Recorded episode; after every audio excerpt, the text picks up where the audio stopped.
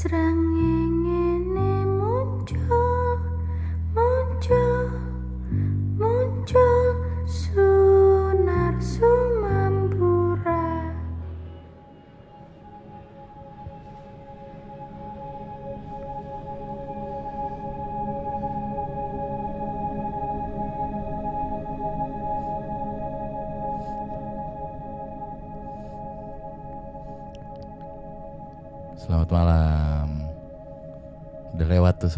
Kedengeran gak sih?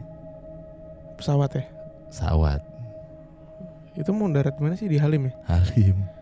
oke Rumah gue deket Halim. iya iya selamat malam teman-teman semua selamat datang kembali di podcast malam Kliwon episode ke-30 Mantep nih. 20 episode lagi kita 50 ngapain enaknya ya? Harus lah tumpengan. itu masih gimana? banyak banget sih 20 episode tuh Iya bentar itu. bentar ya Bentar. Eh ya kalau sehari mah 50 hari lagi. Iya. lama sih 50 bagi 5 berapa ya? 10 10 minggu lagi. 10 minggu lagi selama kan tiga Nggak. bulan lagi Januari, Februari, Maret, April. April lah. akhir April lah Iya.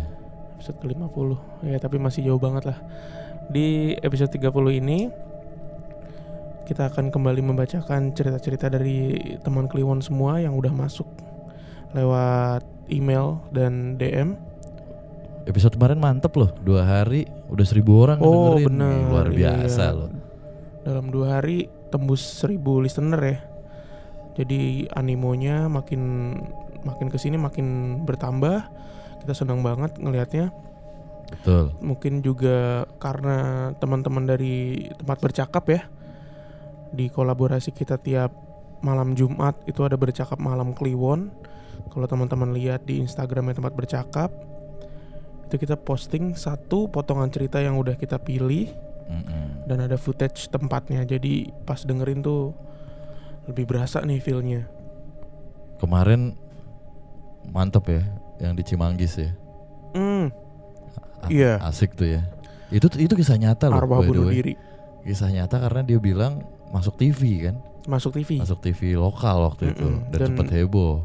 Iya sempet kalau dulu istilahnya belum ada istilah viral ya dulu ya Dulu buletin siang buat itu Heeh, paling masuknya seputar Indonesia. seputar Indonesia Hmm. atau Si- eh, ini aja kalau ada belum, investigasinya paling silet. belum ada kali. Eh, silet belum ada ya. Lupa gue. 96.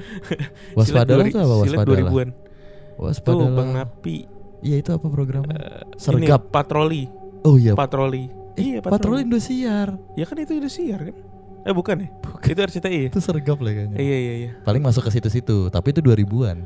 Itu 2000-an iya itu kemarin akhir 90-an ya. 90-an di Ya, belum ada 96, deh. sekitar 99. Paling masuk TV sama koran lah kalau sekarang kan ada sosial media kan Iya, lebih iya, iya. gila-gilaan tuh blow up beritanya. Tapi yang warga Cimanggis asli gitu ya, gas alam pastinya tahu Tahu. ceritanya. Apalagi yang sepantaran. Ya anak-anak ya sekarang umur 30-an lah berarti lah. Gitu. Oke. Kita langsung bacain satu cerita dulu nih. Kita tuh dari dulu kalau bacain di seputar Jakarta Utara pernah Sunter, Timur sering, Selatan pernah Ampera berapa kali? Timur juga sering. Dah kan baru sih Oh, iya, bilang, Bang ngantuk apa? Pusat Sempet apaan? temen lu Ih. yang rumahnya gede di Menteng Hah?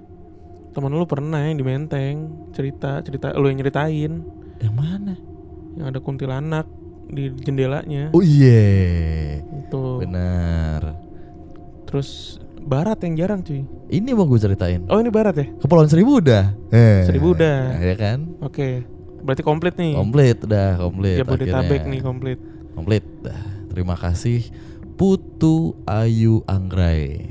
At Putu Ayu Anggrai nih dari kisahnya dia. Hai Bang, mau nge-share cerita nih tentang om gue. Jadi dia baru beli rumah gitu di wilayah Jakarta Barat. Terus tadi gue tanya Jakarta Baratnya mana nih? Dia agak bingung tepatnya di mana. Kayak perbatasan Tanjung Duren sama Kedoya gitu dia bilang. Apalah gitu. hmm. Soalnya omnya kan. Dia baru beli rumah di situ dan deket sama rumah gua. Jadi omnya itu baru pindah dari Bali. Pindahnya sekeluarga, istri sama anaknya yang masih kecil. Oh iya namanya udah Bali banget ya. Oh iya, Mm-mm. bener. Singkat cerita, sebulan dia udah di rumah itu. Hal-hal aneh mulai terjadi, khususnya di tangga. Oh ya, jadi rumahnya ini lantainya dua. Ada tangga gitu di lantai dua. Nah, tangga dari lantai dua itu kalau dari tangga menuju ke kamar tidur gitu, langsung. Jadi kejadiannya berawal dari anaknya yang kecil yang sering ketawa-ketawa sendiri kalau pintu kamar lantai dua itu dibuka. Hmm. Nah, pintu kamar lantai dua ini kalau dibuka bisa langsung lihat tangga itu. Oke. Awalnya Om sama tante gue mikir itu hal biasa. Jadi ya udah di skip aja, mereka nggak ambil pusing. Tapi makin lama gangguan yang aneh dan anehnya itu pakai banget sering terjadi ke tante gua. Kayak tante gua tuh sering dengar suara derap kaki di tangga, Hmm. dan dia pernah sekali ngelihat bayangan cowok berdiri di deket tangga. Terus pernah pas om gue pergi dinas keluar kota dan di rumah cuman ada tante gue sama anaknya, dia tiba-tiba nemuin kayak tali tambang gede gitu. tali tambang. Heeh. udah kotor banget di bawah tangga. Pas tante gue bebersih. Oke. Oke. Akhirnya eh, singkat cerita lagi, pas dia lagi beli sayur, tukang sayur lewat gitu depan rumah, tukang sayurnya letuk, Mbak, di sini betah. Tante gue nyaut dengan polosnya ya dibetah-betahin pak. Hmm.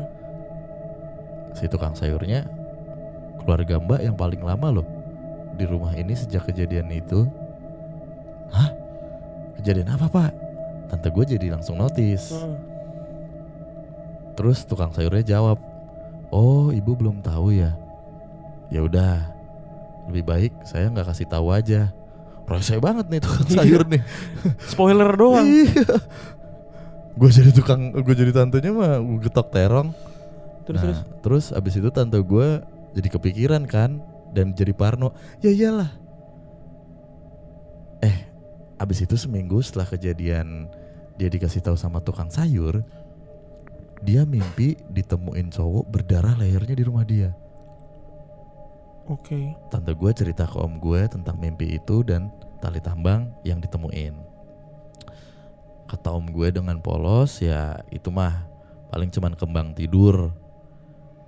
Kalau masalah tali ya umum aja kalau di rumah ada tali tambang. Tapi tante gue nggak sampai di situ doang. Tante gue tetap kepo dong Hmm. yang dibilang tukang sayur itu dan feeling dia nggak enak. Habis dimimpiin itu. Terus pas dia beli sayur dibesar lagi tante Hmm. gue coba ngulik-ngulik lagi nih si tukang sayur. Mm-mm. nanya tentang kejadian itu.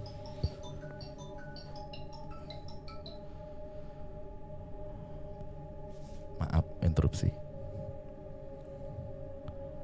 Akhirnya tukang sayurnya cerita dah. Katanya pemilik yang dulu itu anaknya gantung diri Oh. Di atas tangga. jadi ngegelantung mayatnya dari lantai dua ke lantai satu Anjing, merinding nih gua nih. Sumpah merinding gue Iya posisinya tepat di depan kamar tante gue di lantai dua itu Wah anjing merinding gue Katanya nggak karena masalah asmara Hmm. Tapi ada yang bilang juga itu dia dibunuh Bukan bunuh diri Oke. Terus terus. Soalnya lehernya ada luka Terus digantung. Iya Mungkin bisa ya. mungkin Entah pihak keluarga juga nggak mau dipermasalahin ke forensik dan polisi Jadi kasusnya ya udahlah ditutup aja rapat gitu kayak Hmm. mungkin udah ikhlas kali ya kan ada beberapa orang yang kalau kayak begini Nggak mau diperpanjang. aja, ya. Ribet juga kan. nah balik polisi. rumah itu habis ada kejadian itu yang ngontrakin sejarahnya nggak pernah betah lama sampai pada akhirnya dibeli sama om tante gua Abis itu tante gua sama om gua berusaha ngejual rumah itu lagi. Mm-mm. Sekian ceritanya. Daerah mana tadi? Kedoya.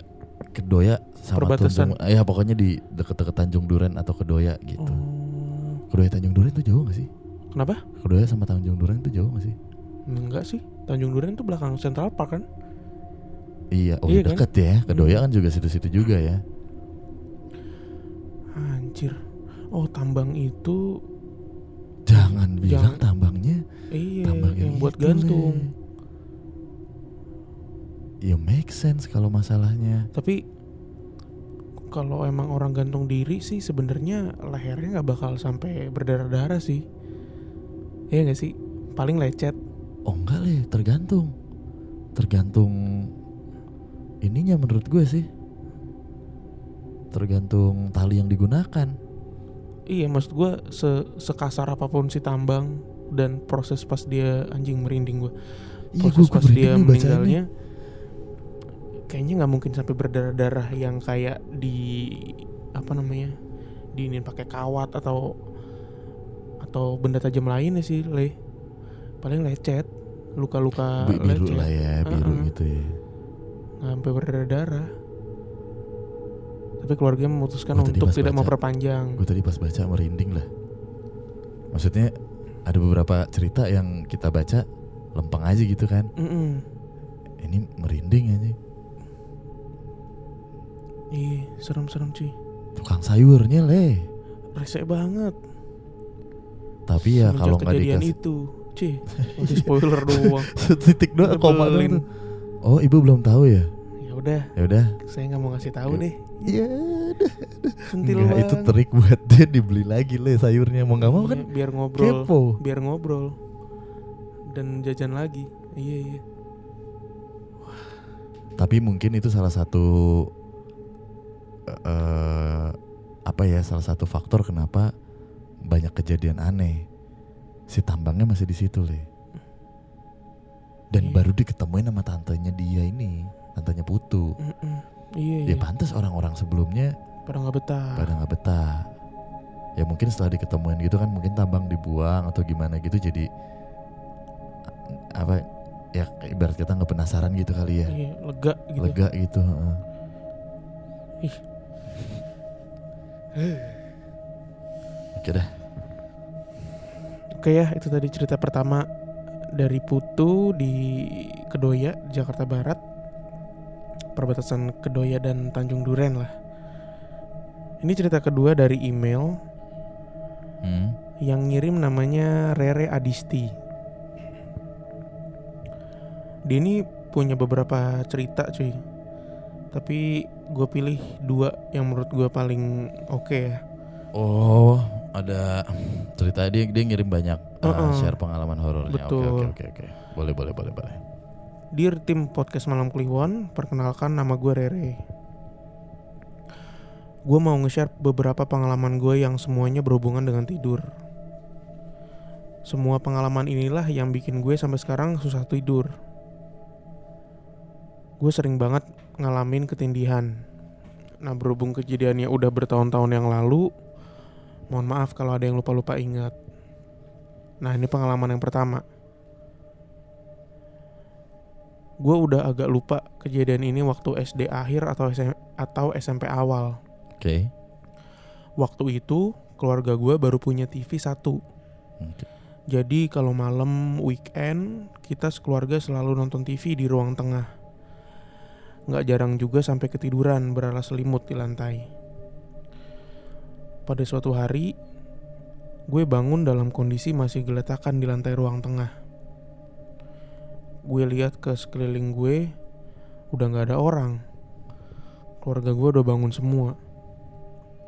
Gue ngeliat ke jam dinding, Waktu itu jam 6.45 Gue jalan ke arah ruang tamu Dan gue lihat pintu rumah terbuka lebar Oke. Dari ruang tamu Gue ke di- gue ngeliat di depan rumah gue tuh ada tukang sayur lagi dikelilingin sama ibu-ibu. Ya kayak ibu-ibu belanja sayur pada umumnya lah. Abis itu gue balik badan lagi ke ruang tengah. Tahu apa yang gue lihat di ruang tengah? ada gue yang lagi tidur di lantai. Hah? Jadi gue ngeliat diri gue masih berbaring di lantai. Pas gue ngeliat diri gue sendiri, tiba-tiba kayak ada yang ngejorokin badan gue. Dan badan gue didorong sampai jatuh nimpa sosok gue yang lagi tidur di lantai. Pas jatuh, gue nimpa badan gue di lantai, brak. Dan gue langsung bangun. Kali ini gue beneran bangun. Gue ngeliat jam dinding, jam 6.45. Terus gue ngeliat di depan rumah, pagi tak pagi ada tukang sayur dikelilingin ibu-ibu. Wah, gila. keluar le Berarti keluar, iya, keluar iya. keluar Ini mungkin yang dinamakan out of body experience ya. ini gue gue pernah cerita gue juga pernah kayak gini Hmm. tapi cuman pendek banget Pendek Tapi lu sampai ngeliat. ngelihat diri lu sendiri. ngeliat. Oh. Uh itu rasanya gak enak banget Nyesek gitu Mungkin gue gue sempat sempat apa namanya? Gue sempat di baca-baca Mamadi gitu. gue pernah cerita Mm-mm, ini yang dikenal dengan astral projection kali ya. Mungkin Mungkin ya gue gak tahu Kayak yang di istilahnya sih. Insidious kan gitu tuh. Iya Keluar dari badan, pas mau masuk tuh berebut tuh. Ada Jadi roh-roh lain yang pengen Iya. masuk ke badannya. Jadi kalau gue Nanya sama temen gue Yang kemarin Si Mas Rian Mm-mm.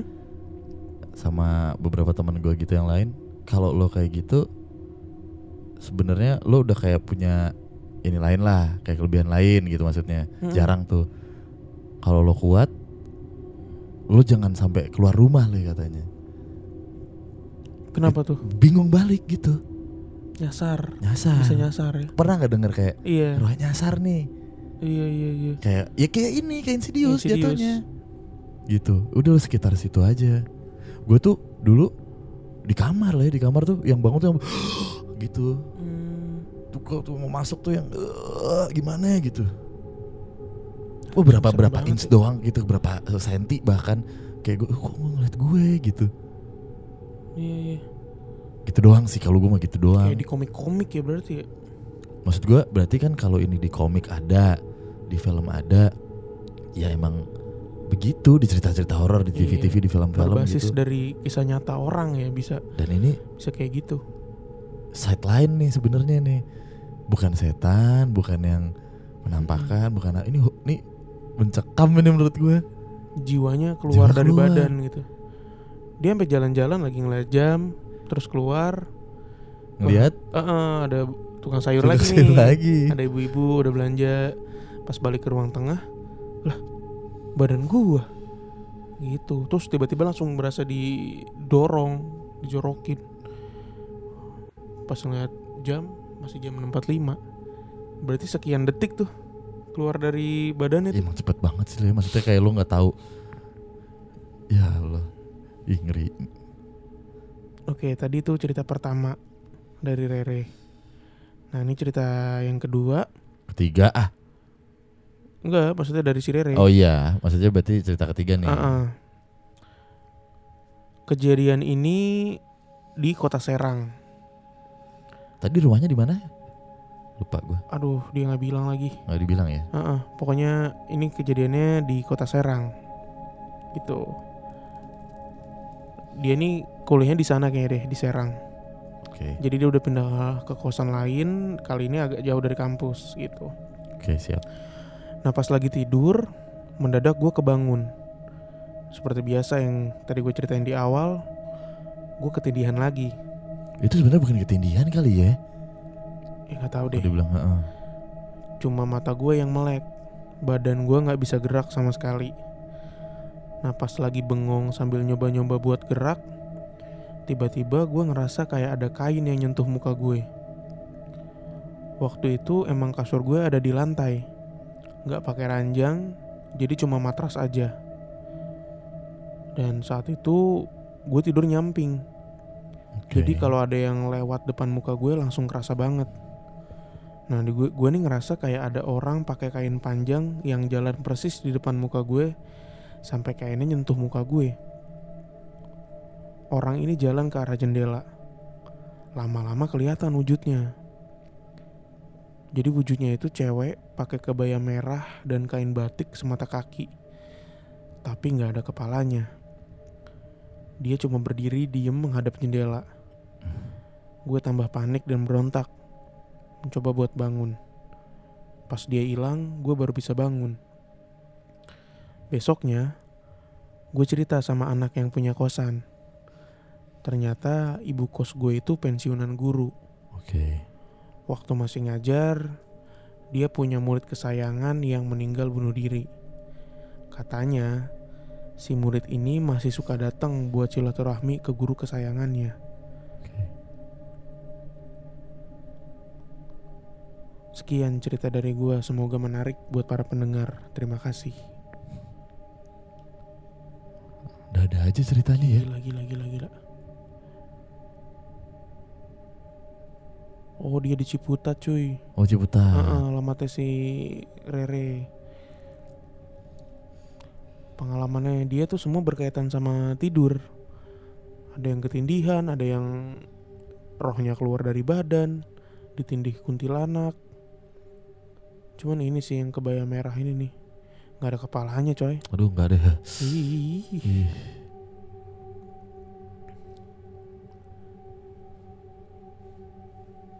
Aduh. Oke oke oke oke. Gue sebenarnya karena eh oh iya kita mau ngucapin juga nih selamat hari raya Imlek Oh bener. Iya kan? Ya, buat teman-teman buat teman-teman yang merayakan. merayakan tahun baru Cina. Semoga di tahun Mm-mm. tikus logam ini Hah? Waduh, bener kan? Bener cuy, tahun ini tikus logam. mantap nih ahli feng shui. Eh, Iya. gue baca bro. Jangan. gue sempat baca gitu kemarin di majalah. Nih Lagi nunggu. ngad- ngadu gua loh. Kenapa? Orang ini orang-orang yang lahir di tahun sama kayak gue nih, ciong leh tahun ini. Menurut feng shui, kudu ada yang harus dibenerin gitu. Lu apa sio lu man? Kuda. Oh kuda. Cuman masalahnya Keren sio lu. Ya Sio iya. gue babi. Ih, keren dong. Enggak lah males gak sih? Keren orang-orang kalau ditanya sio lu apa? Sio gue ular. Wih. Sio lu keren apa? macan. Sio gue macan. Iya bener macan kan ya? Sio gue apa tadi lu? Naga, naga, Kuda, naga. naga. Keren-keren cuy. Heeh. Gue kalau ditanya sio lu apa? Sio gue babi. Ya, pemalas. Main di lumpur. Apa aja dimakan. Haram lagi dalam Islam kan. Gak ada keren-keren sio babi. Remote tapi leh. Oing sih tapi. Koing.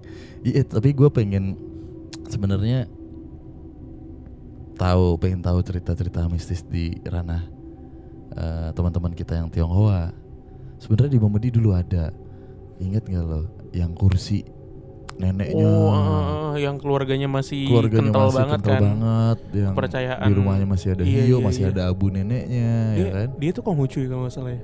kayaknya Kong- ya Konghucu ya? Konghucu ya Iya, yang ada satu kamar itu kan buat ibadah. Ah, Dan selalu ditutup. benar benar Lupa tapi gue ceritanya. dan ada satu kursi yang kalau lo duduk di situ pasti lo serupan Iya. dan padahal- dia, dia, dia nawarin kapan yuk tem, tim Iya kalau Momedi?" ma- kalau iya, mau kalau tim di iya. sana. Padahal keluarga intinya dia nih, keluarga bokap nyokapnya dan dia itu udah cukup modern. betul Tapi dari neneknya Benar, benar, benar, masih, dari Masih neneknya. kental banget. masih ada eh, kalau teman-teman yang Tionghoa kan meja apa ya meja yang ada foto terus ada hionya ada abu Mm-mm. keluarganya yang sudah Dikremasi. kremasi gitu-gitu. Iya, tahun ini tuh tahun tikus logam. Semoga di tahun ini membawa keberkahan buat amin kita amin. semua. Di 2020 ini tercapai lah amin apa yang diinginkan. keras tikus ini nih Iya, tikus tuh katanya cerdik. Gue baca kemarin tuh. Dia cerdik. Wah, Udah gitu nih oke. logam lagi.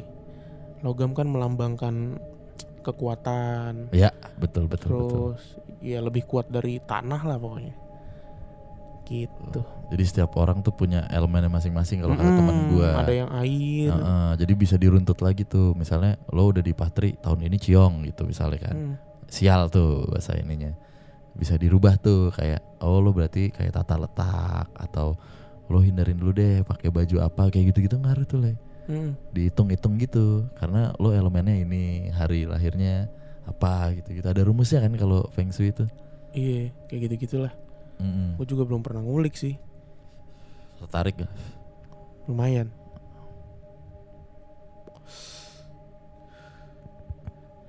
Mantap, mantap, mantap. Oke ini cerita ketiga. Eh cerita keberapa ya berarti ya? Ya ketiga, Oh iya bener. kalau mau ceritain lagi keempat nih berarti nih. Ini dari Surabaya cuy. Mana? Dia namanya nggak mau disebut.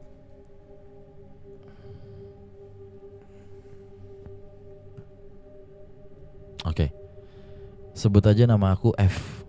F tuh Fanta. Aku kerja di salah satu dealer otomotif di kawasan Jalan Diponegoro, Surabaya. Oke. Kejadian ini terjadi sekitar akhir tahun 2014 waktu aku baru diterima kerja. Dan aku baru dua minggu kerja di sini. Kejadiannya siang hari waktu jam istirahat waktu di ruang sales tinggal waktu di ruang sales. Jadi di ruangan itu tinggal aku sama teman aku, sebut saja namanya E. Hmm. Karena biasanya kalau lagi jam istirahat teman-teman sales pada nongkrong sekalian makan siang di Sutos Mall dekat kantor. Sutos Mall ya. Surabaya Town Square nih. Udah apa loh? Iya pernah gua ke sana dulu. Oh. Nah, karena tinggal berdua, Hmm. temanku E ngajakin buat buruan kumpul. Karena aku masih repot bikin laporan, laporan follow up, Mm-mm. aku nyuruh temanku buat berangkat duluan. Alhasil tinggallah aku sendirian di ruang sales. Tapi nggak lama dari itu ya aku berangkat nyusul juga. Nah, ruang sales ini berhadapan sama ruang admin dan di samping ada bilik ruang kasir yang tempatnya lebih kecil, sekitar satu setengah kali tiga. Bantu. Bantu, Nggak tahu. Lanjut lanjut. ada orang kayaknya. Enggak enggak. enggak. Tanpa ada jendela. Jadi biliknya ini ketutup semua. Nah, waktu aku keluar dari ruang sales, aku ngeliat ada temanku. Sebut aja namanya A, lagi berdiri di depan loket kasir ini. Oke, beda lagi nih temannya ya. Beda lagi. Ah, Padahal kalau jam istirahat, semua admin dan kasir istirahat semua dan kosong ruangannya. Nah, ruang kasir ini kalau lagi istirahat, lampu biliknya dimatikan. Jadinya gelap dong. Dan loket jendela kecil untuk bayar ditutup juga. Oh, gua kebayang nih bentukannya. Nah, di samping bilik kasir ada kaca panjang yang menghadap ruang sales. hmm. Waktu aku keluar dari ruang sales, aku ngeliat temanku A lagi berdiri menghadap loket kasir, cuman diem aja. Hmm. Karena aku nggak terlalu curiga, ya aku cuma nanya, kok kamu belum berangkat bro? Teman-teman udah kumpul-kumpul semua sambil baca-baca, eh ngacang-ngacang rapin rambut, Hmm. tapi lo nggak berangkat-berangkat. Nah, si temanku yang A yang aku ajak ngobrol ini, waktu aku tanyain gak jawab sama sekali Oh, diem aja. dan kaku aja di depan persis loket. Hmm. Ya udahlah karena nggak naruh curiga aku langsung aja berangkat. Sesampainya di Sutos dan kumpul sama teman-temanku yang lain, sontak ada satu temanku yang tanya di kantor ada siapa nih? Hmm. Ya udah aku langsung jawab aja spontan. Itu si A lagi nungguin di kasir. Lah, temanku yang nanya kaget Hmm. sambil nunjuk si A yang ada di meja seberang. Kalau udah datang sama dia dari Iya, tadi, Udah disutos berarti si A. langsung mukaku pucet banget. Hmm. Tapi teman-temanku yang di situ malah ketawa dan ngucapin selamat datang dealer di Ponegoro. Oh, Wanji. Udah biasa. Udah biasa jadinya. Dan ternyata kejadian serupa juga sering nimpa beberapa sales yang baru masuk. Dan ternyata itulah cara perkenalan penunggu dealer tempatku kerja. Dan penampakan tiap lantai dengan sosok yang hampir sama itu juga sering terjadi. Lantai tiga ruang sales admin ada sosok pria. Lantai dua ruang meeting ada perempuan pakai kebaya kadang merah kadang putih. Hmm. Lantai satu ada anak kecil botak dengan kepala agak lonjong meruncing ke atas Anjing. gitu-gitu. Anjing serem banget itu. Sekian cerita pengalaman pribadiku di tempat kantorku bekerja. Waduh.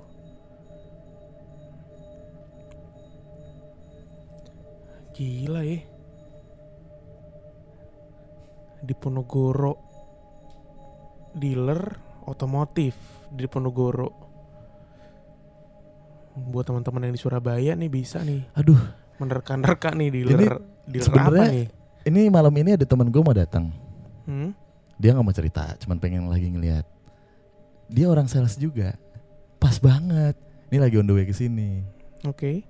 Maksudnya gue pengen tahu aja emang begitu ruangan kerja, eh, ruangan apa namanya tadi kantor apa namanya dealer, tuh Dealer. begitu. Belum belum datang lagi orangnya. Oke, sambil menunggu temennya Bimo. Yang ini yang waktu kita nge-MC pakai baju Toyota, MC di mana nih? ding dong. Kan udah pakai baju Toyota. Oh iya iya iya iya. Iya. Oh si iya. Mas. Penasaran aja, nggak pengen cerita, dia cuma pengen lihat kebetulan rumahnya deket sini. Tapi pertama nih ya, siang kejadiannya. Hmm. Kedua, gua nggak tahu kenapa udah kebayang mistisnya banget dealer cuy. Lo tau dealer segede apa dan se kosong apa gak sih? Segede apa pertama. Terus kalaupun gede, ruangannya kan bukan padat gitu loh Re, ruangannya.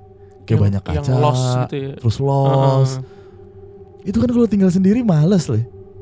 Iya, apalagi ketemu orang satu diajak ngobrol diem aja. Cuman kan dia nggak di situ kan nggak berasa. Iya, belum belum belum belum sadar kalau di tempat itu ternyata orang-orang baru perkenalannya kayak gitu. Ya kan? Oh spek lah. Di ospek, eh, istilahnya di ospek. Anjir. Tapi kayaknya ini cerita hari ini menarik-menarik ya. Maksudnya beda dengan cerita-cerita berikutnya, cuman lumayan bikin kita terbawa untuk ngebayangin ngerinya gitu loh. Tapi di dua episode terakhir ini, di episode 29 sama yang sekarang nih episode 30 rata-rata ceritanya melibatkan orang yang bunuh diri, iya gak sih? Yang pertama mana? Yang Tadi- terakhir. Terakhir tuh yang di gas alam. Oh ya. Terus tadi cerita pembuka yang di yang di Kedoya Cuman masalahnya karena kan bunuh diri. bunuh diri atau dibunuh kan belum tahu tapi kan. Oh iya benar. Iya. Nah, yang yang tadi yang dari Mbak Rere itu juga sama murid kesayangan dari yang punya kosnya. Pensiunan guru ternyata muridnya pernah ada yang bunuh diri dan masih sering ketemu dia buat silaturahmi istilahnya. Iya iya iya iya. Tapi kalau menurut lo apakah orang-orang yang bunuh diri itu selalu begitu ya? Gimana ya untuk beberapa orang yang yang bisa ngeliat gitu yang bisa merasakan ngomongnya kan roh itu setelah orang mati katanya urusan Tuhan ya. Jadi bisa dibilang mereka-mereka yang gentayangan ini sebenarnya bukan dia, bukan sosoknya dia saat hidup, tapi jin yang menyerupai. Gitu. Oke. Katanya gitu. Le, Hmm. ada satu momen yang gue rasain. kenapa ya? itu dari dia nih ya? gue langsung Anjing. gue langsung nyari nih Hmm, dari tadi awal cerita tuh gue udah langsung merinding banget. hmm. Oh, ini lo lagi browsing cicak. Iya, suara cicak dari arah selatan, dari arah tenggara, beda-bedanya. Oh, ada maknanya nih. Ada maknanya, ada maknanya. Coba. Arah barat laut, timur laut, Ini kita arah mana berarti? dari tengah atas bukan sih? Dari sana tuh nah, apa itu ya? cicak itu. Di nggak tahu kita utaranya di mana. Ini buka kompas, bentar. Ada nih. Ini mitos ya. Hmm, Northwest, berarti Northwest tuh apa ya? NW. Timur, Barat, Ut- barat, ya utaranya di mana utaranya? utara di Di sini kan. kanan. Heeh. Tim, timur, tenggara, selatan, barat, daya, barat, barat laut leh. Barat, barat laut, Utara, utara, timur, laut. barat Oke. laut kan. Coba baca. dari Bunyi arah ya? iya